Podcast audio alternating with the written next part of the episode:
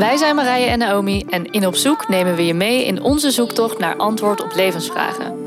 We interviewen experts over vernieuwende en eeuwenoude zienswijzen en hopen hiermee antwoord te krijgen op al onze vragen over gezond en gelukkig zijn. We hebben het over hypnose, Ayurveda, vorige levens, Reiki, cultural appropriation en nog veel meer onderwerpen waar je stiekem meer over wil weten, maar niet met iedereen over durft te praten.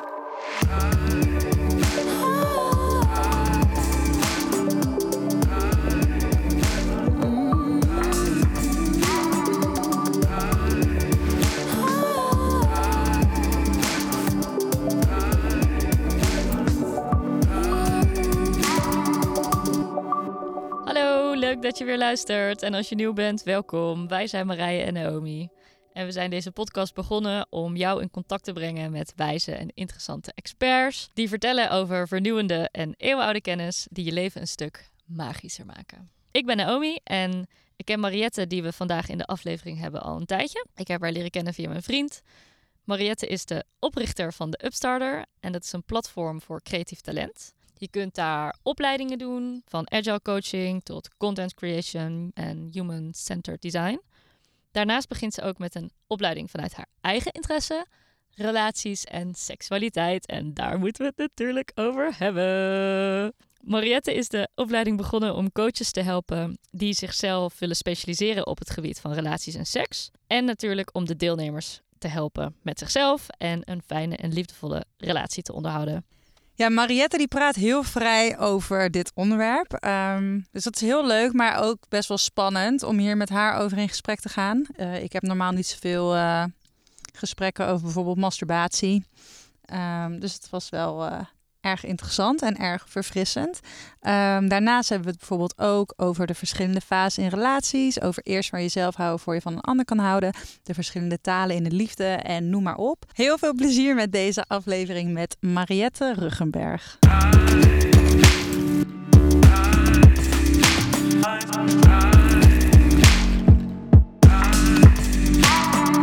Hallo Mariette. Hey Naomi. Kun jij jezelf even voorstellen? Yes, ik ben Mariette Ruggenberg, founder van de Upstarter.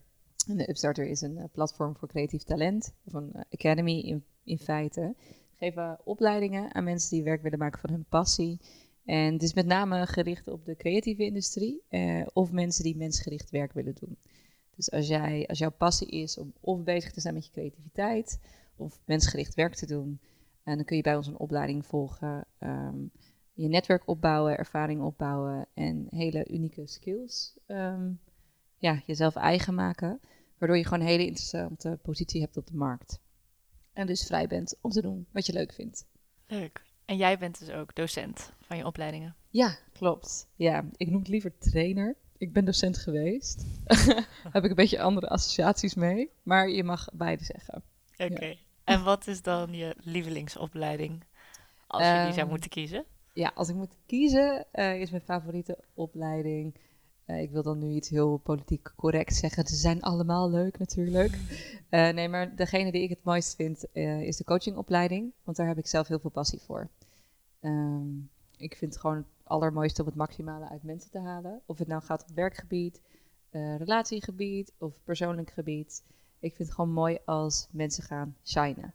En dat is heel erg wat je in de coachingopleiding leert. Hoe zet je iemand in in zijn kracht? Hoe help je mensen door gekke, heftige, intense veranderfases heen? Uh, het legt heel erg een fundering om mensenwerk te doen. En um, die relaties, dat, daar komt binnenkort een nieuwe opleiding voor, hebben we van jou gehoord. Ja. En dat is natuurlijk eigenlijk ook een beetje waarom we hier zijn. Ja. Um, vertel, waarom, ben je, waarom wilde je daar een opleiding over gaan aanbieden? Ja, twee redenen. Eén reden is dat het heel fijn is als je jezelf als coach of mensgericht werker uh, kan specialiseren in de markt. Dus uh, het is heel fijn als je expertise hebt van dan wel voeding, dan wel lichaamswerk, dan wel relaties en seksualiteit. Uh, en reden twee is dat ik dat gewoon een geweldig topic vind. Wie raakt er nou niet uit, uitgepraat over relaties of seks? Of, naast werk is dat toch hetgeen waarmee wij ons het meest bezighouden. 50% van je tijd lijkt te gaan naar je werk. 50% van je tijd naar relaties en seksualiteit. Uh, je hebt ook natuurlijk je vrienden, maar dat is ook onderdeel van het relatiestuk. wat is dan, hoe, ja, wat, wat voor soort onderwerpen komen daar dan in terug? In de opleiding? Ja. Uh, we hebben twee, um, twee focuspunten. Eén is de relatie met jezelf. En de andere focuspunt is de relatie met je ander, met de ander. En er komen bepaalde thema's in de opleiding uh, naar voren die we dan gaan uitdiepen. Ik weet niet of je de thema's wil weten. Ja. ja. Um, thema is um, communicatie. Dat is heel essentieel in een, uh, in een relatie. Het thema is erotiek, seksualiteit, romantiek. Um, en even denken, wat was de laatste nou ook? Erotiek? Nee, die had ik al gezegd. Oh, je hebt je al gezegd. Ja. Nou, deze Zelfliefde. Uh, oh ja, zelfliefde. Shit. Daar begin ik natuurlijk bij. Oh my god. Ja, zullen we daar dan maar mee beginnen met zelfliefde? Ja, nice. Hoe ziet dat eruit als je mensen daar, daarover gaat trainen of daarin gaat trainen? Je zelfliefde. Uh, dat gaat heel erg. Ten eerste gaat het ervan uit dat uh, de band met jezelf, als er een band met jezelf, de relatie met jezelf goed is, dat zorgt voor een veel meer ontspannen verhouding ten aanzien van je partner. Dus het haalt eigenlijk de druk van je partner af. Uh, op het moment dat jij op zoek bent naar erkenning of bevestiging of veiligheid uh, bij jouw partner, omdat je jezelf dat niet kan geven, dan uh, kan je in feite je partner overvragen. En dat is vaak de trigger van alle spanningen in een relatie. Die gaan over veiligheid en erkenning. En op het moment dat jij weet in wat voor omstandigheden jij je veilig kan voelen of je jezelf goed voelt. En um, je bent gewend jezelf erkenning te geven, dat is iets wat je ook kan trainen. Um, dan zit jij zoveel beter in je vel. En op het moment dat jij in je kracht staat, heb je ook meer te geven aan jezelf en ook aan je partner. Dus het is voor mij een hele essentiële ja, bouwsteen eigenlijk. Ja. En um, ik zie, ik zie zo voor me, zeg maar, stel ik zou die opleiding doen en ik ga zelf dus aan de slag met die zelfliefde. Ja. Mijn partner moet daar dan natuurlijk eigenlijk ook mee aan de slag gaan, toch? Ja, dat is het allerbeste. Ja, het, is het enige ding is dat je soort van, je kunt jezelf veranderen, dat is het mooie, maar je kunt je partner niet veranderen. Dus dat is hier inherent aan. Dus ja, het zou top zijn als jouw partner dit ook gaat doen, maar focus je daar niet op. Focus je op jezelf. En als hij dan gewoon denkt, jeetje, wat is er met haar aan de hand? Ze is aan het stralen, ze is aan het zingen thuis, uh, ze komt vrolijk thuis, ze is krachtig. Wat doet zij anders? Dan geef je in feite het voorbeeld en dan wordt hij misschien of zij intrinsiek gemotiveerd om dat ook te gaan doen. Ja, dus het is niet zo dat je je partner mee moet slepen naar uh, nee. allerlei workshops. Nee, partner hoeft niet mee te doen, ook niet met deze opleiding. Nee, maar hij gaat wel verandering bij jou zien, of zij. En uh, ja, en dat meestal triggert dat wel iets. En wat zijn voor jou dan de belangrijkste uh, ja, soort van onderdelen van zelfliefde? Uh, nou, één onderdeel die we gaan behandelen tijdens de opleiding is zelfbeminning. Dus um, als in masturberen. Dus je, gaat, uh, je krijgt huiswerk mee om vaker te gaan masturberen. En dat is heel leuk om te zien, omdat dat kan best wel taboe doorbrekend zijn. Voor mannen is masturberen iets heel normaals, voor vrouwen nog, nog niet altijd. En dat vind ik iets heel opvallend. Zo van, oh, waarom is dat... Bij ons lijkt er een beetje een taboe op te, op te heersen, op masturberen. Ik kan me nog heel goed een gesprek herinneren in de eerste klas met een, uh, met een vriendinnetje. Uh, ik had toen voor het eerste keer gemasturbeerd. In, uh, ja, als eerste, dan ben je 12, 13 jaar of zo. Heel stiekem zo, heel stil in, in mijn slaapkamertje. Vooral heel stil. Ja, vooral heel stil. Wat moeilijker was dan ik dacht. het was je eerste keer natuurlijk, dus je weet helemaal niet wat er met je gebeurt. En um, nou ja, ik was er eigenlijk best wel van onder de indruk. Ik vond het ook heel fijn. Ik dacht, dit is wel leuk. Wat leuk dat ik dit heb ontdekt zo met mezelf. Ja. En dat ik mezelf dit kan geven. Vond ik een hele ontdekking. En toen vervolgens um, um, ja, ging ik naast een vriendinnetje zitten. En die begon zo te zeggen, ja, nou ja, ik heb dus gehoord dat die en die uh, zichzelf hebben gevingerd. Dat vind ik zo ranzig. En toen ging echt zo meteen de moed in mijn schoenen. Toen dacht ik, oké, blijkbaar mag ik dit aan niemand vertellen. Blijkbaar is dit gewoon mijn eigen geheim. Um, dus nou ja, niet iedereen heeft zo'n vriendin. Waarschijnlijk, misschien hebben jullie juist wel vriendinnen waarmee je het er uitgebreid over hebt gehad. Maar dat weet ik niet. Hebben jullie dat wel eens? Nee, niet echt eigenlijk. Heel eerlijk gezegd. Al helemaal als je het zeg maar hebt over die leeftijd of zo. Ja. Dat is wel echt een leeftijd waarop je zoiets juist niet met elkaar deelt. bespreekt. Nee. Nee. Nee, ik kan me daar ook niet heel veel over herinneren eigenlijk. Wel Nee. dat er een soort van, ook vanuit jongens hoor, dat daar wel een soort van spanning op gecreëerd werd. Ja. Dat was toch een soort van raar of zo. Ja. Ja, Om te doen of om het over te hebben. Of precies. eh, eh, daar, daar werd iedereen als puber wel ongemakkelijk van. Bij mij op mijn middelbare school. Ja. Ja. Terwijl je in feite, zeg maar, eh, spendeer je quality time met jezelf. Ehm, je, je investeert tijd in jezelf. Het is heel prettig. Het voelt heel lekker. Eh, je krijgt er energie van. Je stroomt er meer van. Ehm, en er zijn dus ook allerlei technieken in. eh, die technieken halen we uit de Nijdangung. Eh dat, gaat, het heet transformatieseksualiteit. Waarbij je in feite je seksuele energie ook leert inzetten voor meer creativiteit, voor meer energie. Ja, want hoe doe je dat dan? Ja, dat is heel... ik zou je willen dat ik je dat zo kon vertellen. Ik denk dat je het het beste kan vergelijken met mediteren. Ik denk dat jullie altijd zijn wel mediteren. En dat genoeg mensen ook wel eens mediteren. In feite ga je dan met je aandacht naar binnen. Dat is een van de grootste dingen die je doet. En ehm, je, je gaat ehm, je, je, je voelen sterker maken. Dus je wordt je, doordat de signalen van buiten minder worden, word je meer gewaar van de signalen van binnen. En zo is er dus ook een. Je hebt een heel erg naar buiten gerichte seksualiteit en een naar binnen gerichte seksualiteit. Dus binnen je seksualiteit kun je ook veel gevoeliger worden in überhaupt ehm, die seksuele energie. Dus als je heel erg gefocust bent op bijvoorbeeld het orgasme en je wil er zo snel mogelijk naartoe, dan mis je alle subtiele tonen, noten, eh, sensaties die daartussen zitten. Dus in feite ga je jezelf in een soort van meditatieve stand brengen, staat van zijn brengen en op die manier je seksualiteit ervaren, zodat je een, ehm, een heel subtiel gevoel daar gaat ontwikkelen.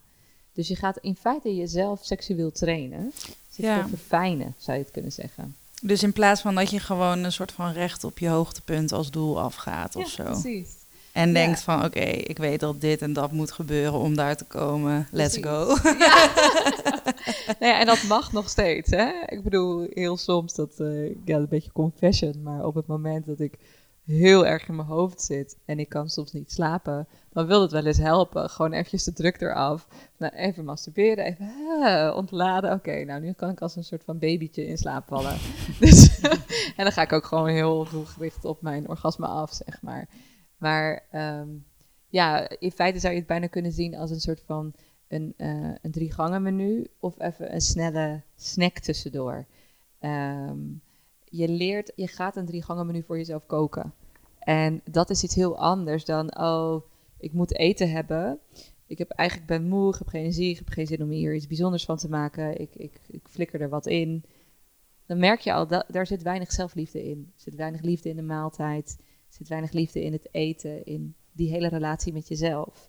Dus zo ga je ook je eigen seksualiteit benaderen als echt een cadeau voor jezelf, waar je een soort van klasse gangenmenu van wil maken. En dat eh, is dus, het is niet functioneel, het wordt echt beminnen. Ja, Ja. oh, ik vind het echt heel mooi uitgelegd. Ja, maar dus ook echt als iets waar je dus ehm, tijd voor moet maken. Heel erg, ja, precies. En ook iets wat je dus gaat doen in de eerste instantie zonder je partner. En je kunt het ook doen op een gegeven moment met je partner erbij als je dat leuk vindt. Ik bedoel, dat kan ook een bepaalde mm, setting creëren voor jullie samen. Maar ehm, ja, eh, kennen jullie Marie Kondo? Ja. Ja. Dat is een soort van de opruimgoeroe. En die leert je hoe je je huis moet opruimen. En op het moment dat je, ehm, je gaat dan naar spullen kijken, does it spark joy? Maakt mij dit echt, echt blij? En alles wat je niet echt blij maakt, doe je je huis uit. En dan gaan mensen eigenlijk die benadering toepassen op alle aspecten van hun leven. Deze vriendschap maakt die me nog wel echt blij. En ehm, misschien moet ik even investeren in dit contact om het weer beter te maken. En zo op het moment dat je jezelf gaat beminnen, op die manier, eh, ga je dat ook gewoon doortrekken in heel veel andere aspecten van je leven. Je gaat het terugzien in dus koken. Maar je gaat misschien ook terugzien in hoe je je kleedt. Of eh, je partner luistert misschien niet helemaal naar je. Dan heb je zoiets, hallo. Het klinkt ook een beetje als een soort raising the bar of zo. Ja, ja, Alsof je gewoon een nieuwe standaard voor jezelf. gaat maken. Ja. Ja, en het is natuurlijk op het moment dat jij steeds lekkerder in dat orgasme gaat zitten, Ehm, je kunt ook eh, leren door die technieken om meervoudig, als man word je meervoudig orgastisch. Maar als vrouw eh, kan je een full body orgasme krijgen. En dat komt puur doordat je dat orgasme steeds uitstelt. En je dus veel meer gewaar wordt van die ja, subtiele energie. En dat ook door je hele lichaam heen leert bewegen, gewoon door aandacht. En dan kun je dus in feite ja, een orgasme ervaren in je hele lijf. Uh, en op het moment dat je dat is gelukt, ik heb de training zelf jarenlang gedaan en dat, dat lukt, uh, dan ja, doe je ook raising the bar in je, in je seksleven. Zo van, hé, hey, maar als ik dit met mezelf kan ervaren, dan wil ik dat ook wel met jou ervaren. Uh, ja. Dus dat heeft ook iets heel gezonds. Ja. Het wordt natuurlijk geen concurrentie, hè? Van dat je partner beter moet worden dan jij met jezelf. maar, ja, het is wel prettig. en zijn er nog meer aspecten van zelfliefde in de opleiding of in jouw leven um, die belangrijk zijn om te benoemen? Ja, ik, um, ik, ik noem dat heel erg um, dat wat is in liefde ontvangen. Dus we gaan ook een mindset trainen, in de staat van zijn trainen, waarbij je op een andere manier naar jezelf gaat kijken, naar je leven en ook naar je struggles. ik gebruik daar onder andere de methode Voice Dialogue voor, waarbij je dus jezelf uh, naar jezelf gaat kijken als een geheel van verschillende ego's, verschillende persoonlijkheden. Je hebt de romanticus, je hebt een idealist, je hebt een soort van business lady, je hebt een hoogpriesteres of een of andere spirituele heks. Je hebt gewoon een hele doos aan mensen. En um, je gaat in feite naar al je ego's kijken als: hey, jullie zijn welkom. Ook die ene zeikert, ook die extreme perfectionist, ook degene die nooit risico's durft te nemen. Wat fijn dat jij er bent. Je hebt waarschijnlijk een interessante boodschap voor mij, waar ik wat mee kan. Een voice dialogue is dus een dialoog van stemmen in jezelf, uh, waarbij je dus leert die verschillende kanten te verbinden. Want we kennen allemaal wel dat we stemmetjes hebben. Van uh, bijvoorbeeld, ik was vanochtend, heb ik een yoga lesje gedaan. En ik had echt, oh, die chick naast mij op de mat, die was zo goed. echt, kon zichzelf in alle hoeken vouwen. Vet mooi lichaam. En ik kom echt zo uit zo'n winterslaap gekropen. ik, ben, ik ben meestal wel fit, maar uh, er is wel een verschil tussen hoe fit ik ben in de winter en hoe vet ik ben in de, in de lente en in de zomer. Dus ik zat echt zo, hoe doe jij dit? Waar haal je dit lichaam en deze lenigheid vandaan? Dus ik hoorde gewoon al meteen die innerlijke perfectionist en die criticus. Ja, lady. Jij moet wel wat, wat flexibeler worden. Dit, uh, hoe ga je dat fixen deze, deze zomer? En toen voelde ik een ander deel in mij al.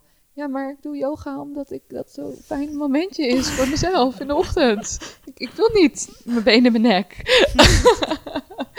en meestal uh, communiceren die twee stemmen niet met elkaar. Dus dat, dat, dat kleine meisje zegt zo, maar dit was toch voor mij? en die perfectionist zegt zo, nee. je dieper in die, uh, in die forward bent. En gewoon zorg ervoor dat jij uh, de benen in die nek krijgt. Ja. En als je die stemmen met elkaar laat communiceren, dan komen ze tot een soort van agreement. En um, dan ben je dus niet één van de twee aan het wegpushen. Of je duwt je perfectionist weg, of je duwt dat, dat meisje weg die zegt, maar yoga was voor mij. Ja. Um, ja. En wil je uitleggen het, het, is natuurlijk een logisch gevolg dat als je dit met jezelf traint en doet, dat dat een weerslag heeft op je relatie. Maar kun je dat voor onze luisteraars even wat, wat meer uitleggen, hoe dat um, in ja. elkaar overvloeit? Nou, uh, wat je merkt, er zijn twee verschillende dingen die je merkt, maar op het moment dat jij in het reinen komt met jezelf en al die aspecten er mogen zijn, uh, dan wijs jij dat dus niet af in jezelf. Dus op het moment dat jouw partner dat wel in jou afwijst, kun je blijven staan. Want uh, je partner, waarschijnlijk zijn jullie, je hebt gemeenschappelijke dingen met elkaar en je hebt verschillende dingen met elkaar.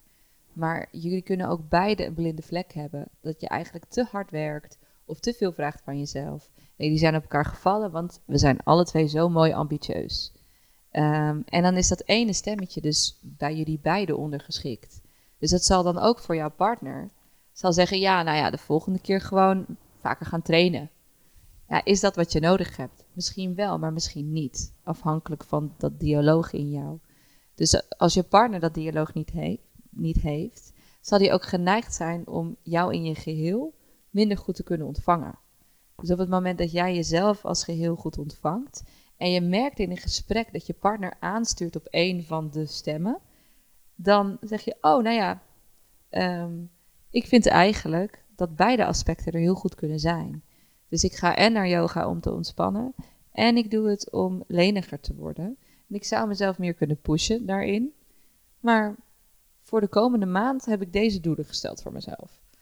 En dan soort van ben je met jezelf in overeenstemming gekomen. En dan word je dus ook minder aan het wankelen gebracht door je partner. Maar je merkt dus ook wat hij van jou misschien nog niet helemaal in liefde kan ontvangen. En je kan hem dan uitnodigen dat wel te doen.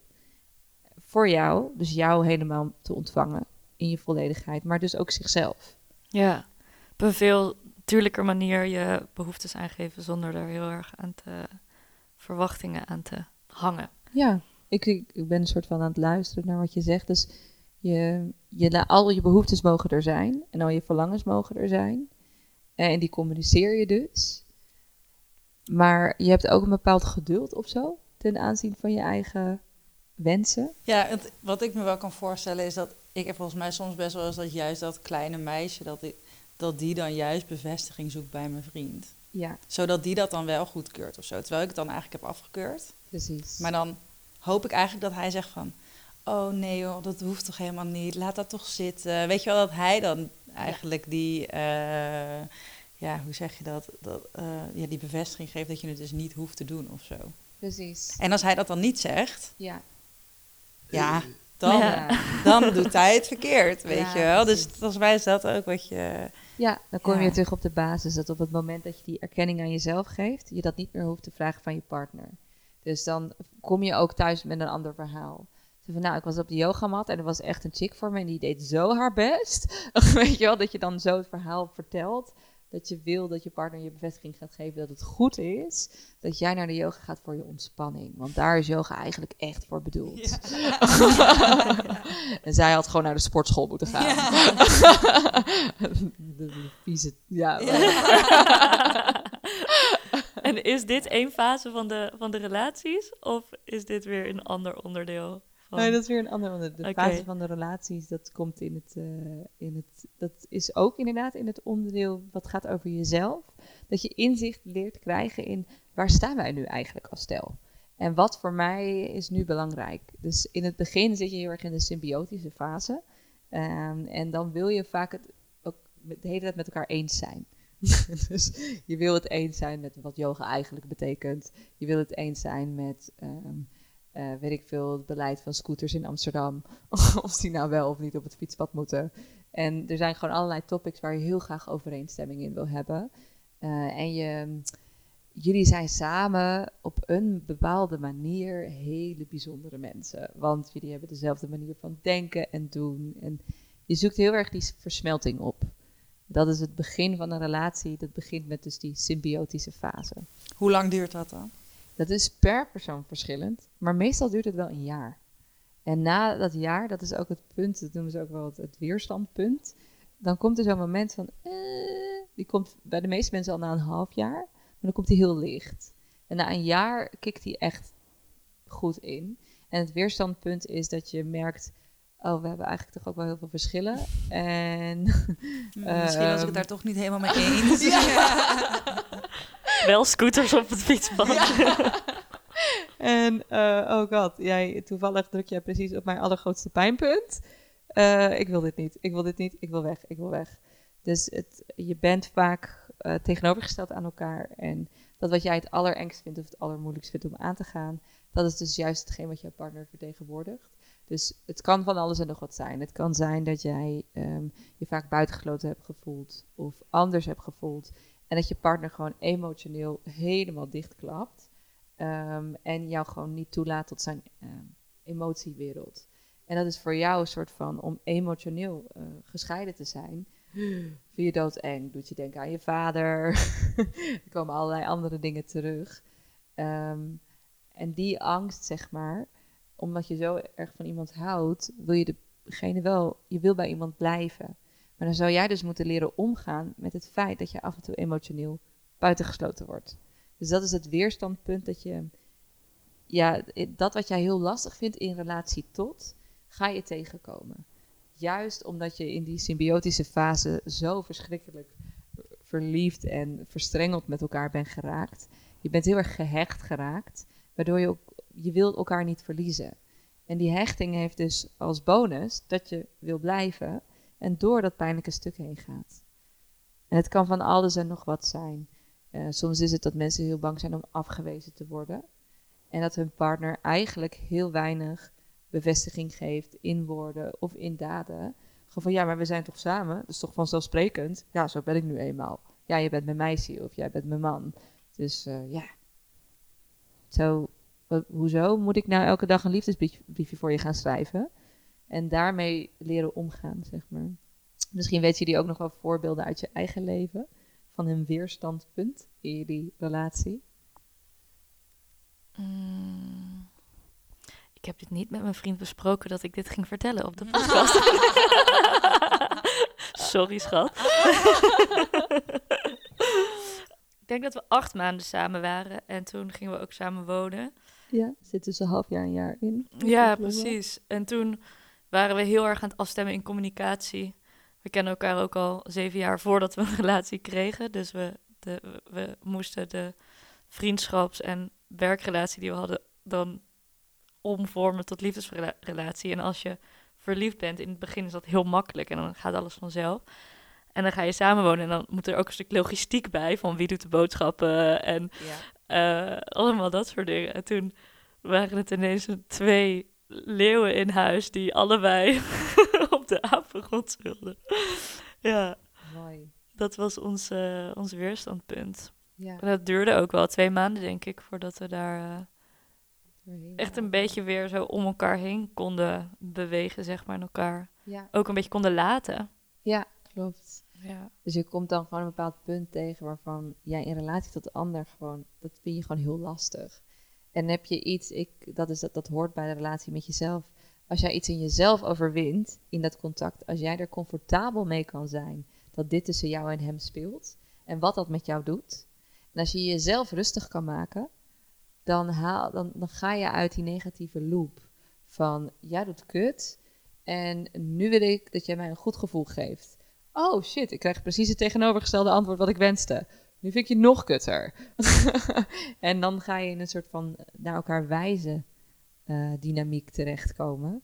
En dat helpt niemand verder. Nee, ik moet zeggen dat ik heb al zeven jaar een relatie. Ja. Maar dit is nog steeds iets wat speelt, zeg ja, maar. Zeker. Zeg maar en, en iedere keer leer je weer meer of zo. Of leer je weer beter. Of leer je weer een ander punt kennen. Ja. En leer weer beter hoe je daar weer mee omgaat of zo. En wat merk je, wat haalt er bij jullie de angel uit op het moment dat, um, dat er spanning is? Nou, sowieso hebben we niet vaak dat het echt uh, misgaat of zo. Maar um, ik denk dat we allebei wel heel goed afstand kunnen nemen. Zeg maar, dus zodat we makkelijk die switch kunnen maken. Dat we van een afstand kijken naar wat er gebeurt. In plaats van dat we in onze emotie blijven zitten, zeg maar. Um, vooral mijn vriend is daar sowieso vanuit zichzelf gewoon heel goed in. Um, maar voor mij ook uh, om ook gewoon oprecht afstand te nemen. Hmm. Dus als hij uh, zich gedraagt op een manier dat bij mij echt iets heel erg triggert, om dan niet te gaan blijven en te leuren en te trekken en iets te verwachten, maar om gewoon weg te gaan. Ja. Gewoon naar vriendin gaan. Ja. En dat hoeft helemaal niet dramatisch. En nee. dat is ook helemaal niet uit dan woede of zo naar hem. Maar dat is dan gewoon voor mij beter. Ja, ja, precies. Dat schaar ik dan ook onder de zelfliefde. Dat je eerst voor jezelf zorgt en jezelf in een prettige state of mind brengt. Uh, en daarna kan je het gesprek weer aangaan. Ja. En dan kom je ook bij de tweede module, de relatie ten aanzien van de ander. En dan kan je, kan je op en de analyse, wat gebeurde er nou net tussen ons, dus dat is die transactionele analyse, en op de communicatie gaan zitten van hoe communiceren we met elkaar? Dus is ook weer een stukje analyse. En wat triggert dat nou bij jou? Want je hebt bijvoorbeeld vijf verschillende talen in de liefde. Mensen die spreken gewoon anders met elkaar. Die drukken hun liefde op verschillende manieren uit. En soms duurt het eventjes voordat je erachter bent van... Oh, dit was waarschijnlijk lief bedoeld. Vet lullig, maar het gebeurt ook andersom. ja. De vijf verschillende talen van liefde zijn... ehm, eh, je hebt liefde kun je uiten door middel van quality time. Door echt tijd met elkaar vrij te maken. Door words of affirmation. Dus eh, positieve of bekrachtigende woorden, complimentjes. Eh, je kunt het tonen door... ehm, eh, ja, acts of service noemen ze dat. Dus iets dienstbaars doen. Of een hele lekkere maaltijd koken. Of de vuilniszakken buiten zetten. Of de hele kamer schoonmaken. Eh, en eh, je hebt de vierde taal, dat gaat over cadeautjes. Dat is eentje die mijn neefje heel vaak doet. Net schattig. Ik heb een neefje van drie jaar en die zit de hele tijd cadeautjes voor me te maken. Ehm, dat is he- helaas voor mijn neefje mijn laatste taal. maar aangezien hij nog niet heel goed is met woorden. Accepteer. Misschien verschuift het nog, ja. En de, de vijfde, en dat is voor veel mensen de eerste of de tweede. Bij mij staat die ook heel hoog. Eh, dat is physical touch, dus dat is aanraking. Dus bijvoorbeeld als baby's in het eerste jaar niet worden aangeraakt, gaan ze dood. Dus daar hebben ze ook in de Tweede Wereldoorlog hele zieke experimenten mee gedaan. Hebben ze eh, baby's, eh, Joodse babytjes, hebben ze in een kamer gestopt waar ze niet werden geknuffeld. En in een andere kamer werden testbaby's die wel werden geknuffeld. En de baby's die niet werden aangeraakt, die gingen gewoon dood. Dus physical touch is blijkbaar een hele essentiële manier om ehm, ja, je liefde uit te drukken. ja. Wat Oh, daar moet ik even van bijkomen. Van die, ja, ja, ik heb deze test dus gedaan. Ja. En mijn vriend ook. En we hadden hetzelfde. Oh, wat mooi. Ja, dat wij is echt hadden ook hetzelfde. super handig. Eh elkaars word of affirmation op één. Ja, En dan op twee eh, die physical touch. ja. En dan volgens mij quality time. En dan acts of service. En dan cadeautjes. ja. Ja, Ja, we hebben dus wat dat betreft hebben we ook nooit echt, ehm, weet je wel, problemen of zo. Want we zijn allebei erg van, oh, zo leuk met jou. Weet je wel, soort van de hele tijd zo dat bij elkaar aan het, eh, aan elkaar aan het vertellen. Ja, dus dat is. Maar we kopen nooit cadeautjes. Dus dat, maar dat willen we allebei ook meer doen. Ja. nee. Maar, dat, maar wij vinden dat dan ook weer niet zo erg als de ander het niet heeft gedaan, weet je wel. Dus Nou, Ja. Bart had jou laatst zo'n leuk cadeau gegeven. ja, dat is wel waar. Dat is leuk om te vertellen. Wil je dat Ja. vertellen? Ehm, ik was laatst schijnbaar 10.000 dagen oud. Ja. Eh, dat wist ik zelf niet. Maar dat had mijn vriend had, wist dat op een of andere manier. En toen waren we op het, op het strand.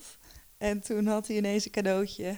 Had hij een eh, hele mooie grillpan voor me gekocht. Ja. Want Marij houdt heel erg van koken. Ja. Dat Oké, die cadeau. had ik even nodig. Ja. ik denk, er komt nu een heel mooi symbool aan. Nee. 10.000 dagen. Hoe, hoe oud was je? Hoeveel? 10.000 dagen, ja. Ja, 10.000 dagen. Oké, Ja. had ik goed onthouden. Dus Grappig, 10.000 hè? dagen oud. Kijk, Ja. een heel mooi symbool. Zoals een grillpan. maar ik was er wel heel blij mee. Want Ja, ik had gewoon gezegd dat ik die graag wilde hebben. Ja, Ja, dat was dus echt had hij cute. gewoon goed onthouden ook nog. Zeker. Nice. Maar dat is dus mooi, want als je dezelfde liefdestaal praat, dan gaat het dus vaak heel vloeiend. Maar dat is alleen al goed om te weten van praten we hetzelfde of niet. En oh, je hebt deze acties dus zo bedoeld. En eh, dat is dus niet per se bij mij geland. Dus je gaat ook veel meer zien dat, de dat je partner in je investeert. Als je elkaars liefdestaal begrijpt. En binnen die talen zijn er ook nog dialecten. Dus op een gegeven moment leer je elkaar, ook elkaars dialecten kennen. Ehm, en dan voel je gewoon dat als jij merkt dat jouw partner eh, jou veel liefde toont op zijn of haar manier, eh, dan groeit jouw liefde voor je partner ook. Dus het is wel fijn om die talen te kennen. Ja. Zo, ik denk dat die dialecten misschien, dat daar nog het meeste werk te doen is. Of dat is een, in, een inschatting. Hoe, hoe doe je dat dan bijvoorbeeld in de, in de opleiding? Of met mensen die, die je helpt als Ja, eigenlijk ga ik, ik ga niet een soort van eh, rijtje uitschrijven van nou, dit kunnen alle dialecten zijn. Eh, maar ik ga dan per groep gewoon vragen wat zijn de dialecten in, bij jullie. Omdat ik je ze dan zelf aan het nadenken zet. En het is heel leuk om dat te sharen. Dus dat je dan hoort van, oh oké, ze hebben al deze dialecten. Het leuke is dat je dus ook nog ideeën krijgt over, oh wauw, ehm, blijkbaar kan je iemand een cadeautje geven als hij 10.000 dagen oud is. Wat vet romantisch, wat leuk, wat een aparte manier. Dus zo krijg je ook ideeën van elkaar. Ja, hoe je zoiets kunt aanpakken. Of sommige mensen zijn heel erg van de verrassingen. Dus als ze een cadeautje geven, is het altijd een soort van verrassing. Een bepaalde beleving. En eh, het kan ook heel leuk zijn, met name als je in een langdurige relatie bent, als er af en toe weer iets nieuws is. of een verrassing. Al is het maar andere lingerie, of al is het gewoon een andere outfit, of lippenstift, of een nieuw restaurant in plaats van jullie standaard kroeg. Het is fijn om af en toe iets nieuws of een verrassingselement te hebben. Dus zo kan je ook leren van elkaars dialecten en voorbeelden. Ja. Mooi. Maar ik was eigenlijk nog een beetje benieuwd. Ja. Want we hadden het natuurlijk over die fases in relaties. En Ja. dit is wel een onderwerp wat bij best wel veel vriendinnen, zeg maar, wordt, wordt het dan opgegooid. Zo van, oh ja, maar je hebt natuurlijk ook die fases. Maar niemand weet eigenlijk hoe die fases nou precies lopen. Want je hebt dus het begin met die Ja. symbiose dan en de weerstand. Ja. Maar wat dan daarna, bijvoorbeeld in de eerste tien jaar of zo? Wat, wat voor fases zijn er nog meer? Nou, een belangrijke fase en die komt tussen de vier en de zes jaar. Dus jij moet hem als het goed is hebben meegemaakt. En dat noemen ze ehm, ehm, ja, het onthechten in feite. Eh, en het gaat over onthechten, maar elkaar niet in de steek laten. Dus je wordt weer meer een individu. Dus in plaats van dat je eh, de eerste jaren bouw je zoveel met elkaar op dat je een beetje elkaar wordt. Dus jij gaat de eigenschappen, de beste eigenschappen van je partner overnemen en andersom. En in feite heb je daarmee iets heel belangrijks geleerd. En ehm, liefde is vaak ook, wordt dat getriggerd omdat jij iets te leren hebt bij je partner. Omdat hij jou maakt, hij maakt dat jij groeit. Dus die grootste groeisprint is er dan al uit. En dan kun je dus in feite wat meer onthechten. Want je hoeft niet meer zoveel van je partner te leren. Eh, en dan word je weer meer een individu. En dan ga je weer op zoek naar... hey, wie is er nog meer daar? Van wie kan ik nog meer iets leren? Ehm, en dat is het punt dat heel veel mensen vreemd gaan. Want de affaire is bijna nooit omdat jij ehm, ja, de liefde niet meer goed is. Ehm, soms is dat ook zo. Maar vaak is een affaire omdat iemand daar iets te leren heeft. Er wordt weer iets wakker gemaakt in je. Wat ehm, aandacht wil, wat, eh, wat zich wil ontwikkelen. En vaak zie je dat de mensen waarmee iemand is vreemd gegaan een hele belangrijke sleutel hebben voor iemands groei. En dat die affaire ook heel belangrijk is geweest. En ehm, tegenwoordig is er een soort van het nieuwe taboe in relaties, is dat je bij elkaar blijft, ondanks dat je partner een affaire heeft gehad. Dus vroeger was het zo, je trouwt met elkaar en je blijft met elkaar. Nou, dat taboe werd doorbroken. Je trouwt met elkaar en je mag uit elkaar. Je mag scheiden. Wow. nu mag je scheiden. Dus waarom zou je bij een partner blijven die vreemd gaat? Dan ben je toch gek? En nu wordt dat taboe weer doorbroken. Dus Ja, dat, Denk je? ja, daar daar is het wel mee bezig. Dus er Ja, wordt Esther nu, Perel heeft het daar ook veel over. Ja. Ja, Ja. dus het is nu overspel is iets van alle tijden en eeuwen. Ik bedoel, zelfs in de Bijbel zijn er twee geboden opgenomen over overspel. Eén is dat je niet mag denken aan een ander dan je partner. Nou, zie, zie, dat maar, zie dat maar eens voor elkaar te krijgen. En te handhaven. Ja, en te handhaven. ja. En het tweede is dat je dus niet iets anders mag doen fysiek dan eh, met je eigen partner. Nou, oké, die, die snappen we dan nog wel een beetje. Maar je ziet ook wel steeds meer ehm, eh, discussies over polyamorie of over een open relatie of over zulke soort aspecten. Een soort van experimenten met vrijere vormen van liefde, waarbij dus je niet alleen ehm, fysiek of emotioneel of spiritueel verbinding maakt met je partner, maar ook met iemand anders. En dat dat dan eh, geduld wordt of mag zijn binnen je relatie. Dus je merkt dat daar al veel meer experimenten in komen. Dat het losser wordt of dat daarmee gespeeld wordt. En dus ook dat er steeds meer mensen waarbij er een affaire is geweest, toch bij elkaar blijven. Die dan niet altijd met de nek worden aangekeken. Nee. En dan daarna volgt, na die fase volgt dan hopelijk weer de Ja. samensmelting. Hopelijk komt de symbiose weer terug. ja. ja, nou ja, eh, dat zou je meer, ik zou dat de volwassen liefde eh, noem ik het zelf. Waarbij je twee individuen bent, maar toch een team. Ehm, en dat die versmelting, dat je samen één bent. ehm, ja, dat, dat is. Wie wil er niet terug naar een soort van de baarmoeder of zo? of voor mij de basisschool. Voor sommige mensen is de basisschool echt een kuttijd. Eh, dus ik wil niet zeggen dat als je samengesmolten bent, dat dat een heel kinderlijke fantasie en een, en een niet hoge vorm van liefde is. Maar volwassen liefde zie je toch steeds meer dat je individu gaat worden, die toch met elkaar een team zijn, Die weten dat ze met iemand anders ook een briljant team kunnen zijn, maar desondanks kiezen ze voor elkaar. En dat is een soort van nieuwe vorm van romantiek. Dus in feite verandert je verhaal. En dat is, ja. Ja, dat vind ik heel mooi, want dat uh, is iets wat jij ook al eerder zei. Van dat verandering in dat verhaal of zo. En dat dat eigenlijk is wat dan romantiek is of zo. Dat moet je nog even uitleggen. uitleggen. Ja, dus we hebben dan communicatie. Dus we hebben nu heel veel over communicatie gehad. En in die communicatie zit ook die analyse van die dynamiek. En dan vervolgens gaat het dus over romantiek. Nou, my favorite. en romantiek, dat gaat dus over dat als je kiest voor een partner, kies je in feite voor een verhaal. En uh, wat is het ding nu? Als je kiest voor een partner, uh, dan verandert dat verhaal op een gegeven moment. Dus na, het kan zijn dat het tussen vier en zes jaar dat je een ander verhaal hebt. En een verhaal, verhalen verbinden. Uh, en dat bindmiddel mist er dan. Dus op het moment dat jij in het begin, um, kunnen jullie je nog herinneren dat je een soort van een jeugdliefde had. En wat het verhaal was tussen jou en hem of haar? Wie van jullie twee? Ja. Ja. Wat was jullie verhaal? Of wat was het verhaal? Um, buurjongen, um, broer van een vriendinnetje. Oh, vet interessant. Natuurlijk. Super interessant. Ja. Drie klassen hoger dan ik.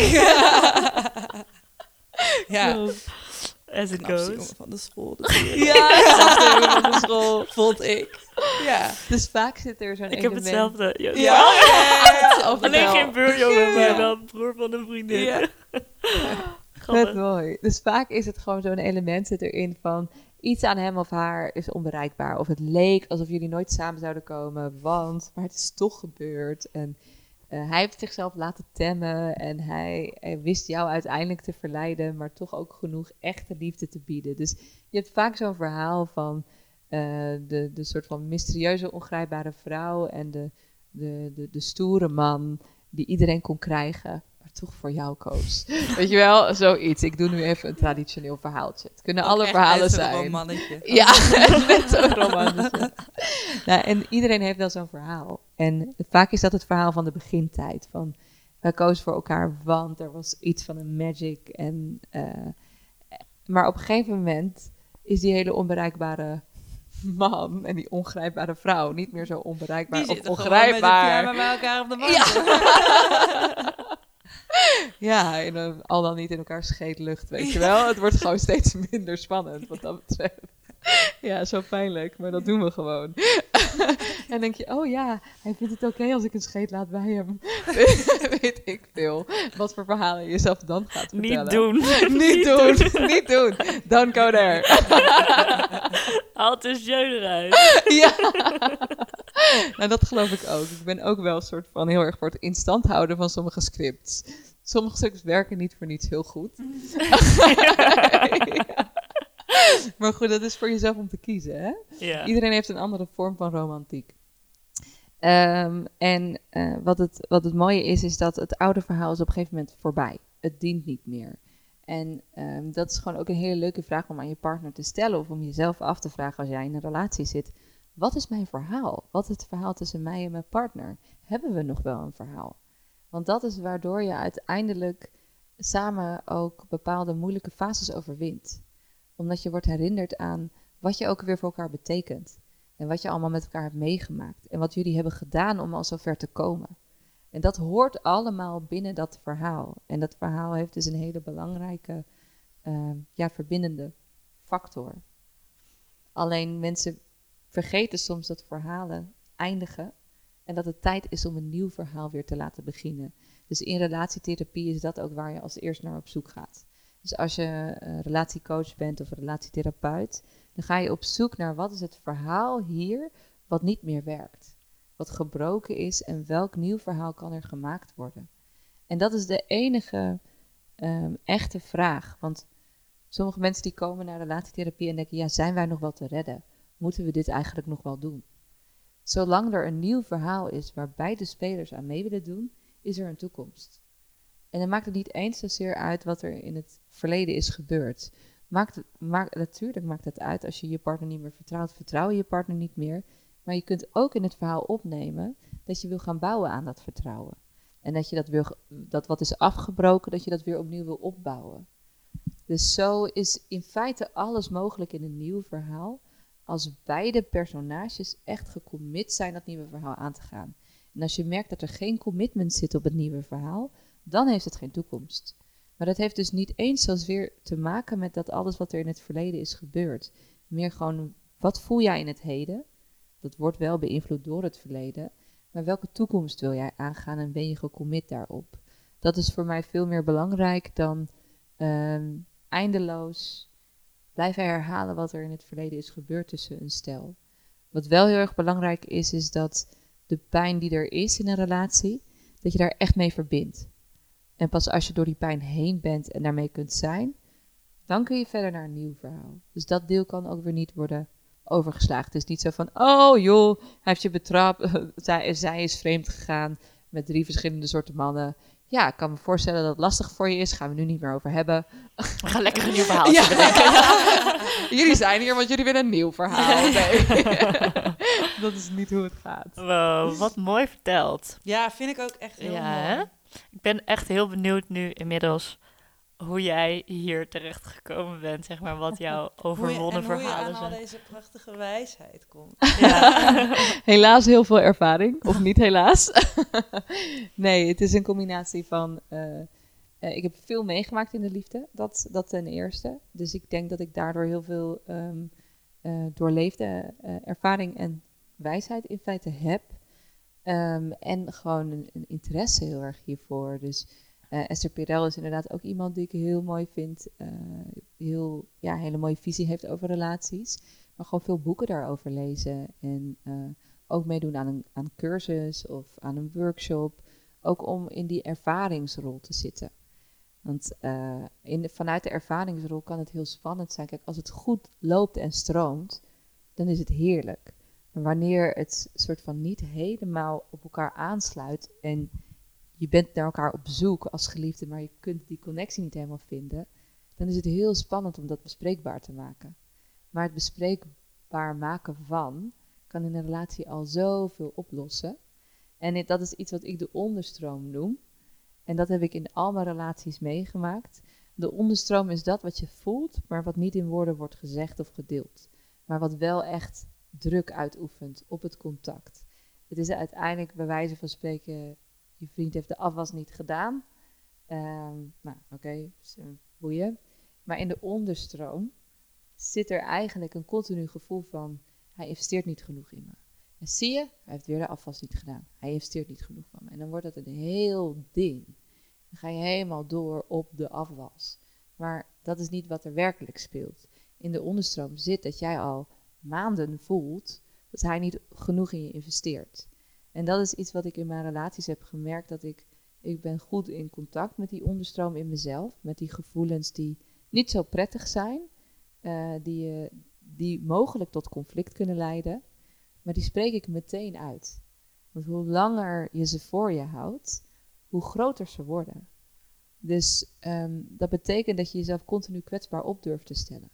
En ik denk dat dat iets is wat ik mijn hele leven al doe en kan. Um, en wat ook doodeng is.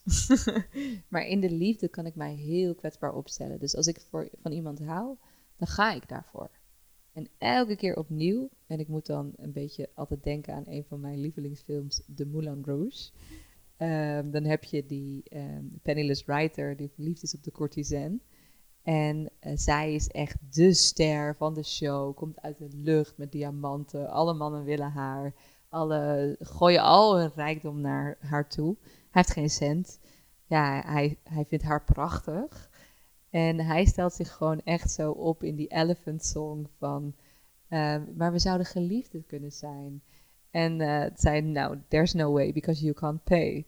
En dan in the name of love, just one night in the name of love. En hij, en dan zegt zij, you crazy fool, I won't give in to you. En durven liefhebben is eigenlijk een dwaas durven zijn. Ehm, want je, je stelt je hele hart open, maar je weet niet of het ontvangen gaat worden of dat je wordt afgewezen wordt. En, en de kans dat je wordt afgewezen of niet wordt begrepen, die lijkt soms zo groot in je hoofd.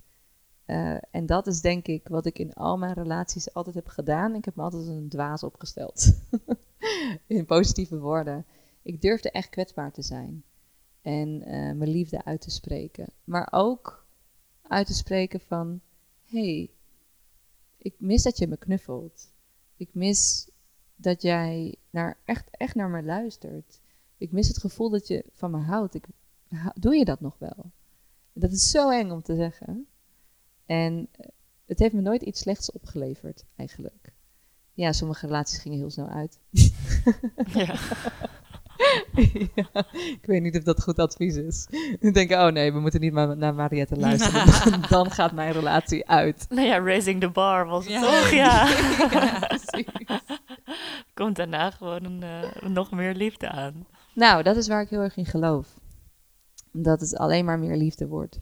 En je hebt ook verschillende niveaus van, van liefde en jouw gedachten over liefde. Dus je kunt geloven, nou, liefde bestaat maar niet voor mij.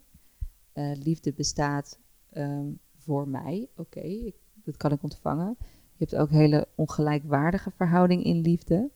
Um, waarbij je de ander in feite een soort van, jij hebt macht over de ander, dus je weet dat diegene bij jou blijft. En dan heb je, um, ja, dat is, dat is een soort van ongelijke liefde, maar dan heb je ook nog een vorm van liefde waarbij je afhankelijk van elkaar bent. Dus afhankelijke liefde van, ik heb jou nodig om van mezelf te houden. En de hoogste uh, gedachtegoed is, alles is liefde. En ik heb dat altijd geloofd dat liefde is, iets is wat jij overal en ten alle tijden kan ontmoeten. Als jij er zelf ook naar gedraagt.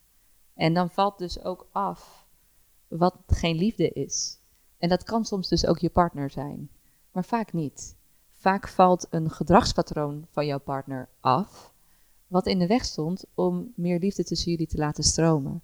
En ik denk dat ik dat altijd in relaties heb gechallenged. Ja.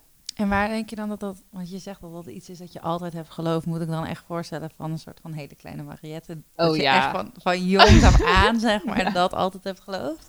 Ik heb het van jongs af aan altijd geloofd, maar ik ben ook mijn geloof kwijt geweest. Verschillende momenten.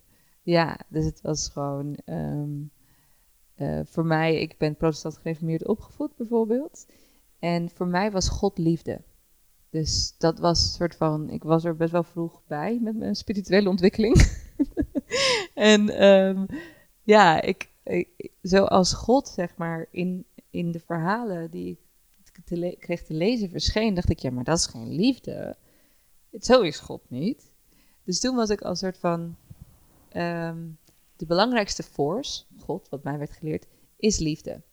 En wat ik nu te horen krijg, klopt daar niet helemaal mee. Dus toen was, dus als jong meisje was ik altijd al op zoek naar, uh, naar die liefde. En mijn moeder die um, bad elke avond met mij tot God. En dat doe ik dus nog steeds. Um, God is dus inmiddels voor mij liefde geworden, was het dus toen ook. Maar als ik dat deed, dan voelde ik zoveel liefde. Dus als ik in gebed ging en echt in diep gebed, dan voelde ik alleen maar dankbaarheid en liefde. Dus voor mij was het heel logisch dat je kunt intappen op een soort van liefdesenergie die ten alle tijden beschikbaar is. En dat heet God. nou ja, later heb ik hem Spirit genoemd. En komt hij allerlei, krijg je allemaal andere namen. Want toen bleek er ook een ander geloof te zijn dan het christelijke geloof. En toen ben ik zelf, nou ja, soort van agnostisch wil ik het niet noemen. Maar ja, ik heb niet echt een religie nu. Gewoon je eigen. Mijn eigen, ja. het geloof in liefde. Ja, dus je eigen denk, liefdesreligie. Ja, dus ik denk wel dat ik dat als kind altijd heb gehad. Een enorme gevoel dat overal liefde is. Maar dat kan ook te maken hebben met dat ik in een heel liefdevol gezin ben opgegroeid. Ja. Dus ik denk dat het ook een overtuiging is die je. Nature en nurture, die discussie is altijd heel ingewikkeld. Wat is nou van nature in je en wat is nou aangeleerd gedrag? Maar ik heb zeker als, um, als puber en tiener um, was bij mijn, mijn geloof in liefde wel ver te zoeken hoor. ja. Die momenten horen natuurlijk ook bij. ja, zeker. En dat was helemaal niet erg. Maar er was het zo van, oh oké, ik, ik kon niemand ontmoeten die op dezelfde manier uh, dacht of voelde over liefde als ik. Dus toen dacht ik van, nou ja, laten we dan maar van liefde physical touch maken. dat blijkt een van de vijf talen te zijn, wist ik later. Ehm, dus er zijn ook periodes geweest dat ik er niet in geloofde en dan kwam het ook niet op mijn pad. Ja. Ja, Herkenbaar. Het laatste, denk ik, voor heel veel vrouwen sowieso, mannen ook wel, denk ik. Ja. Ja, laten we maar physical touch als liefde, liefde gaan zien. dat is ook niet vervelend. Nee. ik, kan- ik kijk er niet op terug als dat het nou een hele vervelende fase leven was. Ehm, Mariette, hoe zit het nou eigenlijk met je eigen relatie? Ja, die vraag snap ik wel. nou goed, ik heb eh, sinds 3 augustus een nieuwe relatie. Ik, had, eh, ik heb hiervoor een hele lange relatie gehad van 5 à 6 jaar. En was heel mooi. Ehm, ik denk een van de mooiste relaties wel die ik ooit heb gehad. Daar, ja. En we zijn uit elkaar gegaan omdat ik kinderen wilde en hij niet. Dus dat is best wel een gevoelig eh, punt. En ook wel was voor ons altijd heel verdrietig. Van, oh hè, maar de relatie is zo mooi. Maar we willen niet dezelfde toekomst. En ehm, daar natuurlijk heel veel gesprekken over gehad. Van misschien over drie jaar, dan wel of niet. Maar het was heel duidelijk dat als je echt uit elkaar loopt, wij liepen echt uit elkaar in onze wensen, dat dat voor heel veel druk zou zorgen op onze relatie. En dat we dan in een dynamiek zouden gaan komen met elkaar, waarbij je elkaar, het huis wordt dan gewoon te klein. Het gaat voor mij te traag, voor hem gaat het te snel. Eh, dus wij hebben de stekker eruit getrokken voordat het erg werd. En dat is iets wat achteraf gezien, en dan ga ik straks over mijn nieuwe relatie vertellen, maar deze voor, eh is ook goed om te weten, denk ik. Eh, het is nu twee jaar geleden dat het uit is. En ehm, omdat we de stekker eruit hebben getrokken voordat het erg werd, hebben we nu een hele goede band. Dus ik ben nog steeds bevriend met mijn, eh, met mijn ex-vriend. We spreken elkaar elke week. En dat klinkt heel heftig, denk ik, voor heel veel mensen. Het hoeft niet elke week, mag voor mij ook één keer per maand. Maar we hebben toevallig echt regelmatig contact. Eh, er is een periode geweest dat we echt geen contact hebben gehad om echt te onthechten. En we zijn weer gewoon opnieuw in elkaars leven gekomen als vrienden. Dus dat voelt altijd een extra groot cadeau. En ehm, omdat wij dus op een goede manier uit elkaar zijn gegaan, is er niets beschadigd tussen elkaar. Maar hebben we onszelf ook heel lang afgevraagd, als het nog zo goed zit tussen ons, zouden we dan niet toch een toekomst hebben? En nu na twee jaar is het echt heel duidelijk te zien dat onze sporen niet meer passen. Dus dat we toen hebben gevoeld blijkt waar te zijn. En we hebben het geconstateerd voordat de, de hel uitbrak, zeg maar. Maar dat was wel, het heeft wel tijd nodig gehad om ook te ervaren dat wat we hadden gezien, dat dat klopte. Ehm, en dat is denk ik heel bijzonder aan mijn nieuwe relatie.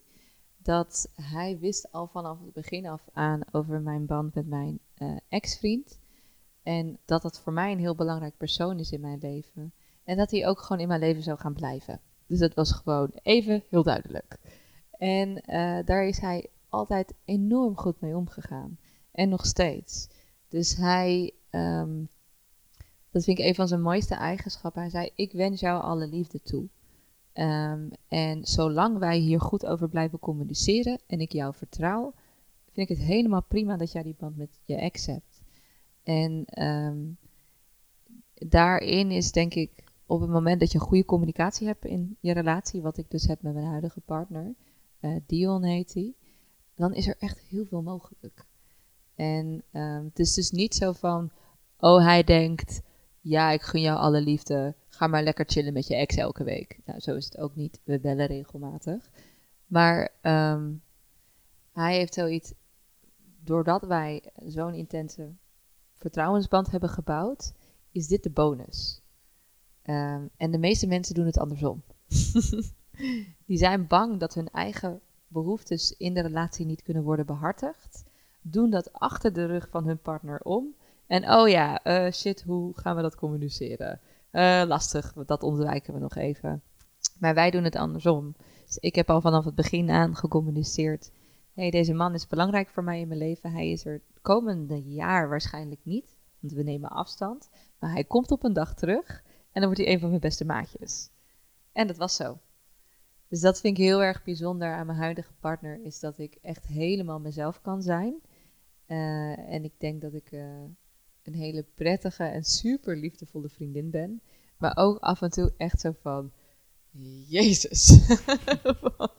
uh, dit is wel, het zijn wel heel veel dingen om mee rekening te houden. Of ik weet niet precies hoe ik dat kan formuleren. Niet om mee rekening te houden, maar um, ik spreek veel uit wat er in de onderstroom is.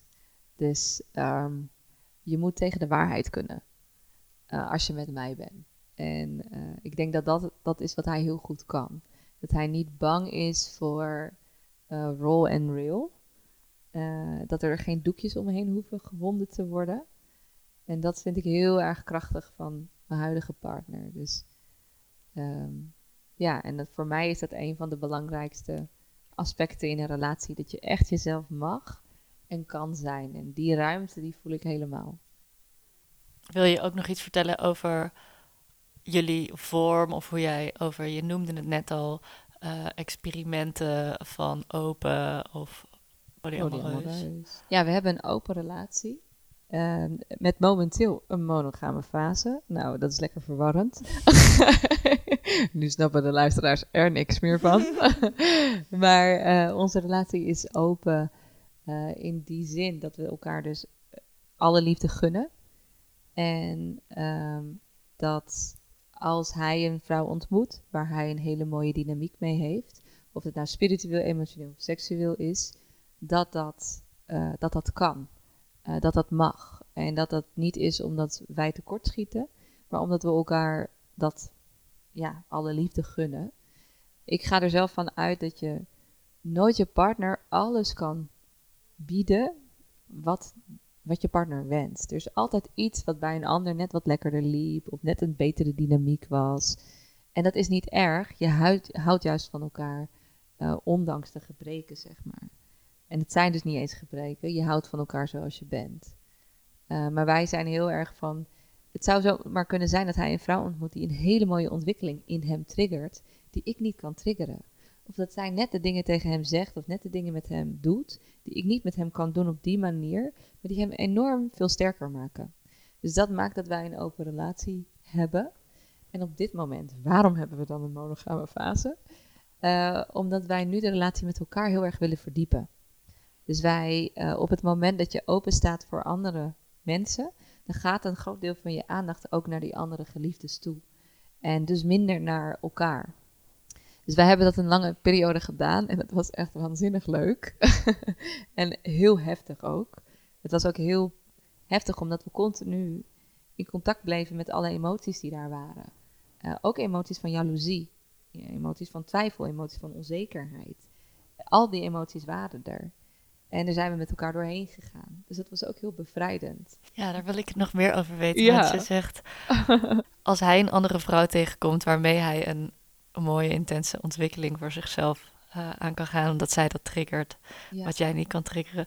Hoe ga je daarmee om? Ja, nou ja, dat is dus al gebeurd. Um, ja, blijven praten dus. Dus um, ik, dat wij, wij kennen ons verhaal. Dus ons verhaal is onder andere het verhaal dat we elkaar van, dat noemen wij meer liefde of de liefdesrevolutie en een verhaal van radicale openheid. Uh, dat is het verhaal wat wij doen. Um, en um, wat er dan gebeurt als hij met een andere vrouw is, is dat bij mij jaloezie wordt getriggerd, onzekerheid wordt getriggerd. En dat is voor mij in feite een soort van uitnodiging om te kijken, wat is dat dan? Waar ben ik onzeker over?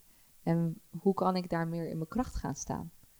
Um, dus in feite zie ik dat als een uitnodiging om mezelf ook te gaan ontwikkelen. En dat is hoe ik met de pijn omga, omdat de pijn in mijn ogen dan constructief is. Hoe ik er verder mee omga is wanneer het me te veel wordt, wordt het me te veel. Um, ik heb letterlijk één keer um, dat hij een date had met haar. En dat ik vond dat het veel te lang duurde. en dat ik dacht van. Dat ik dan allerlei scenario's in mijn hoofd ging bedenken van wat ze dan met elkaar zouden gaan doen. En wat voor soort gesprekken ze hadden. Of ze al in bed lagen of niet. En ik maakte mezelf helemaal gek. En dat was ook, ja, dat klinkt misschien gek, maar vond ik ook een mooie ervaring. Kun je dan bij dat verdriet blijven? En kun je dan nog steeds achter jezelf staan als persoon? En is deze pijn het waard? Is deze pijn waar ik nu doorheen ga, het waard dat hij nu iets met een ander doet? En dat leverde ook weer hele mooie gesprekken op. En nu op dit moment, ja, in onze monogame fase, die, I don't know, vier jaar kan duren, vier maanden, vier weken. Ik weet het niet hoe lang dit duurt. Ehm, maar spreken wij dus met elkaar uit van, ehm, er is nu zoveel ontwikkeling te halen bij elkaar, dat wij daar nog lang niet klaar mee zijn. En misschien staan we open voor fysiek of emotioneel of spiritueel contact met een ander. Maar nu op dit moment willen we elkaar nog verdiepen. Dus ja, hoe ga je dan om met als er een ander is? Ja, meten of de hoeveelheid pijn opweegt tegen de hoeveelheid winsten. En op dit moment is dat dus niet zo, maar toen wel. Dus ik heb toen ook, ben toen ook heel erg door mijn eigen gevoelens van schuld en schaamte heen gegaan. Van, uh, ik was ook met een andere man. En daar voelde ik me heel schuldig over. En ik was ook heel erg beschaamd dat ik überhaupt ook met een andere man wilde zijn. En toen ben ik ook heel erg gaan denken, is deze liefde dan wel sterk genoeg? Is het groot genoeg dat ik nog verlang naar een ander? Het zijn allemaal gedachten die je hebt. En toen merkten we gewoon alle twee, nee, mijn liefde voor jou is heel groot. Maar er kan dus ook een liefde voor een ander naast bestaan. Dat is bijzonder. Dus ik hou niet minder van jou omdat ik ook van een ander hou. En dat vond ik allemaal hele bijzondere ervaringen. Dus grappig genoeg hebben wij in het begin van onze relatie heel erg geëxperimenteerd. En zijn we nu in veel meer, toen waren we veel meer open fase. En nu zijn we dus heel erg in de gesloten fase. Ehm, meestal doen mensen het andersom. Bedankt voor je openheid hierin en het delen. ja. ja, ik denk dat het heel, voor mij is het in ieder geval heel leerzaam. Ja. Ja, dankjewel. Alsjeblieft. Ja. En ik denk van, ik ben niet een, een voorstander van uh, open relaties. Dus zo van, nou, ik denk dat dat de nieuwe vorm van relaties is die we allemaal zouden moeten proberen. Maar ik ben zelf iemand die het heel fijn vindt om de grenzen, dat grenzen niet vast zijn. En dat is denk ik met name wat voor mij nu een open relatie is. Dat we per moment kijken wat werkt voor ons. Dus gaan we de grenzen opengooien of gaan we ze sluiten? Wat is voor ons nu hetgeen wat, het, wat ons het best dient? En uh, dat vind ik wel iets, daartoe zou ik wel iedereen willen uitnodigen. Van ga echt onderzoeken welke vorm van de relatie bij jou past. Um, want voor mij is het non-traditioneel. Uh, maar ik weet dat ik ook heel goed in een traditionele relatie pas. Maar dit is op dit moment in mijn leven wat mij dient. Maar op het moment dat wij kinderen krijgen, kan ik me voorstellen dat de traditionele vorm van een relatie misschien uh, dienender is. Maar dat is voor dan om te ontdekken. Ja, mooi. Waar ik nog wel benieuwd naar ben, is hoe jouw pad er tot nu dan heeft uitgezien. Dus van kleine Marietje niet tot uh, God en liefde aan bidden was. tot, uh, Heerlijk. Tot nu. nou, een heel devoot pad is dat geweest. Nee, uh, nou, ik ben, ik ben godsdienst- en filosofie-docent geworden. Mm, nou, mooi, sense, toch? Ja, ja dat is heel erg in, in lijn. Ik wilde graag weten wat de universele liefdestaal was. Dus in alle culturen, in alle religies, door de geschiedenis heen. Hoe beleiden mensen hun religie? Waar geloven ze in? En wat maakt dat zij zichzelf overstijgen? En ik denk nog steeds dat dat liefde is. Dat dat uh, een van de grootste krachten is waardoor we boven onszelf uitstijgen. En um, dat uh, soort van um, ja, zorgen dat je iets doet waar jouw hart echt naar uitgaat. Uh, Paulo Coelho noemt het ook wel um, de goede strijd. De strijd die je voert omdat je hart het wil. Dat heeft mij altijd gefascineerd. Of dat nou, hoe die strijd er ook uitziet. Dus ik heb, was zeven jaar lang docent en toen merkte ik gewoon dat mijn hart niet meer in het traditionele onderwijssysteem paste. Ik, um, ik had mijn eigen modules gemaakt, ook over seksualiteit overigens. Uh, hilarisch om dat met pubers te doen. Die gingen echt door het dak heen. en het was ook zo leuk dat je het over andere dingen kon hebben dan het condoom en een banaan. En, en oké, okay, dit was jullie seksuele voorlichting. Maar gewoon echt op Wanneer begin je met seks? Durf je je grenzen aan te geven? En wie kijkt er allemaal porno? Nou, ik zou niet adviseren om dat nou meteen met je eerste geliefde te doen. Probeer het wat meer op te bouwen. uh, dus dat was heel tof. Dus daarin had ik wel het, terrein wat ik kon pakken. Uh, binnen mijn vakgebied had ik echt helemaal gepakt. Maar um, ja, ik wilde eigenlijk werken met mensen die vrijer waren. Om echt hun eigen pad te volgen. En als puber heb je gewoon nog door dat hele systeem heen te gaan. Van middelbare school, studententijd. Nou, heb je aan al je diploma's voldaan. En dan kan je eigenlijk gaan doen wat je echt wil.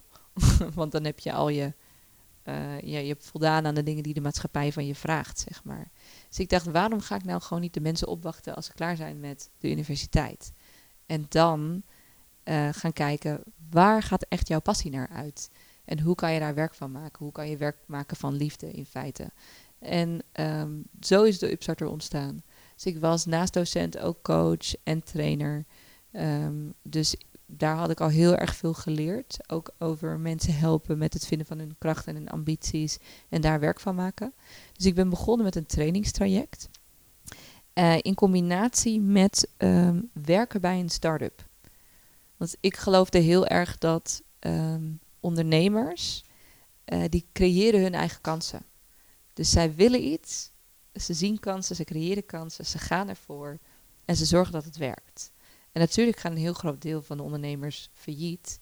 Maar die mindset, dat je je eigen kansen creëert om te doen wat jij echt wil doen en waar jij in gelooft, vond ik briljant. Dus toen dacht ik van nou, ik ga mijn een trainingstraject doen waarbij ik mensen leer over wie ben ik, wat kan ik, wat wil ik. En hoe kan ik mijn werk betekenisvol maken. In combinatie met werken bij ondernemers, zodat ze leren om hun eigen kansen te creëren. En dat was het eerste traject van de Upstarter en dat hebben we anderhalf jaar lang gedaan.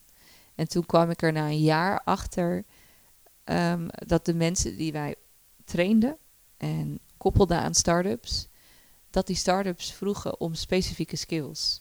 Oh, maar ik heb echt iemand nodig die heel mooi onze branding kan doen. Want wij willen gewoon groeien. We willen onze boodschap verspreiden. Maar wie kan dat voor ons doen op een hele fijne manier die aansluit bij ons brand?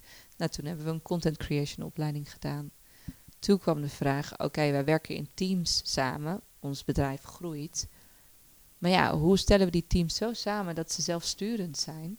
In plaats en dat ze van bottom-up een beweging maken. In plaats van dat de manager de hele tijd maar vertelt wat er moet gedaan worden. Toen kwam de Agile Coachopleiding. Nou, binnen bedrijven was er ondernemerschap nodig, business development, innovatie. Um, toen kwam de opleiding Human Centered Design. Hoe kunnen we nou meer producten of diensten lanceren uh, waar onze gebruiker echt op zit te wachten? Dus zo zijn alle opleidingen van de Upstarter echt gaandeweg ontstaan. Echt puur op basis van de vraag die wij zagen in de markt. En toen zagen we ook direct wauw, ze worden meteen aangenomen. Of bij ons netwerk of daarbuiten. Omdat ze gewoon hele specifieke skills hebben. Die aansluiten bij hun passie. Um, ja, en zo zijn we uitgegroeid tot nu. En de coachingopleiding was er ook al een tijd. Omdat ik merk dat naast de focus op werk... mensen ook heel veel behoefte hebben om als persoon... Uh, te blijven ontwikkelen, maar ook genoeg ruimte te hebben en om jezelf in balans te houden. En um, daarom zijn we nu meer aan het investeren naast de business tak in echte lifestyle tak. En daar is relaties dan dus, relaties en seksualiteit één van de dingen van. Ja. Ook mooi gewoon hoe je het vertelt van de stappen die je hebt genomen, zeg maar. En hoe alles samen één groot verhaal is, zeg maar. Gewoon ja. van jou, weet je wel. Dat vind ik altijd heel mooi. Ja, echt. Toch uiteindelijk allemaal samengekomen. Ja, precies. Ja. En um, als onze luisteraars meer willen weten over de Upstarter en over jou, ehm, en misschien ook wel over dus die nieuwe opleiding die eraan komt, um, waar uh, kunnen ze jou dan volgen? Uh, nou, ze kunnen me volgen op de www.upstarter.nl. Daar zie je ons hele aanbod staan. En als jij meer wil weten over de nieuwe opleidingen, die staan nog niet op de website, uh, maar die komen er binnenkort op. Stuur dan gewoon alvast een mailtje naar mariette.upstarter.nl. Gewoon met van, hou mij op de hoogte van het nieuwe opleidingsaanbod. Uh, en dan krijg je gewoon een mailtje in je e-mailbox zodra um, de eerste opleiding online gaat komen. En daarnaast kun je mij volgen op Instagram, gewoon Mariette Ruggenberg en dan vind je me wel. Dus dat zijn de twee kanalen. En we hebben ook een Upstarter Instagram. Dus kun je kiezen. Leuk. Leuk. Mooi, ja. Dankjewel. Dankjewel. Ja, jullie ook. Goeie zit. ja.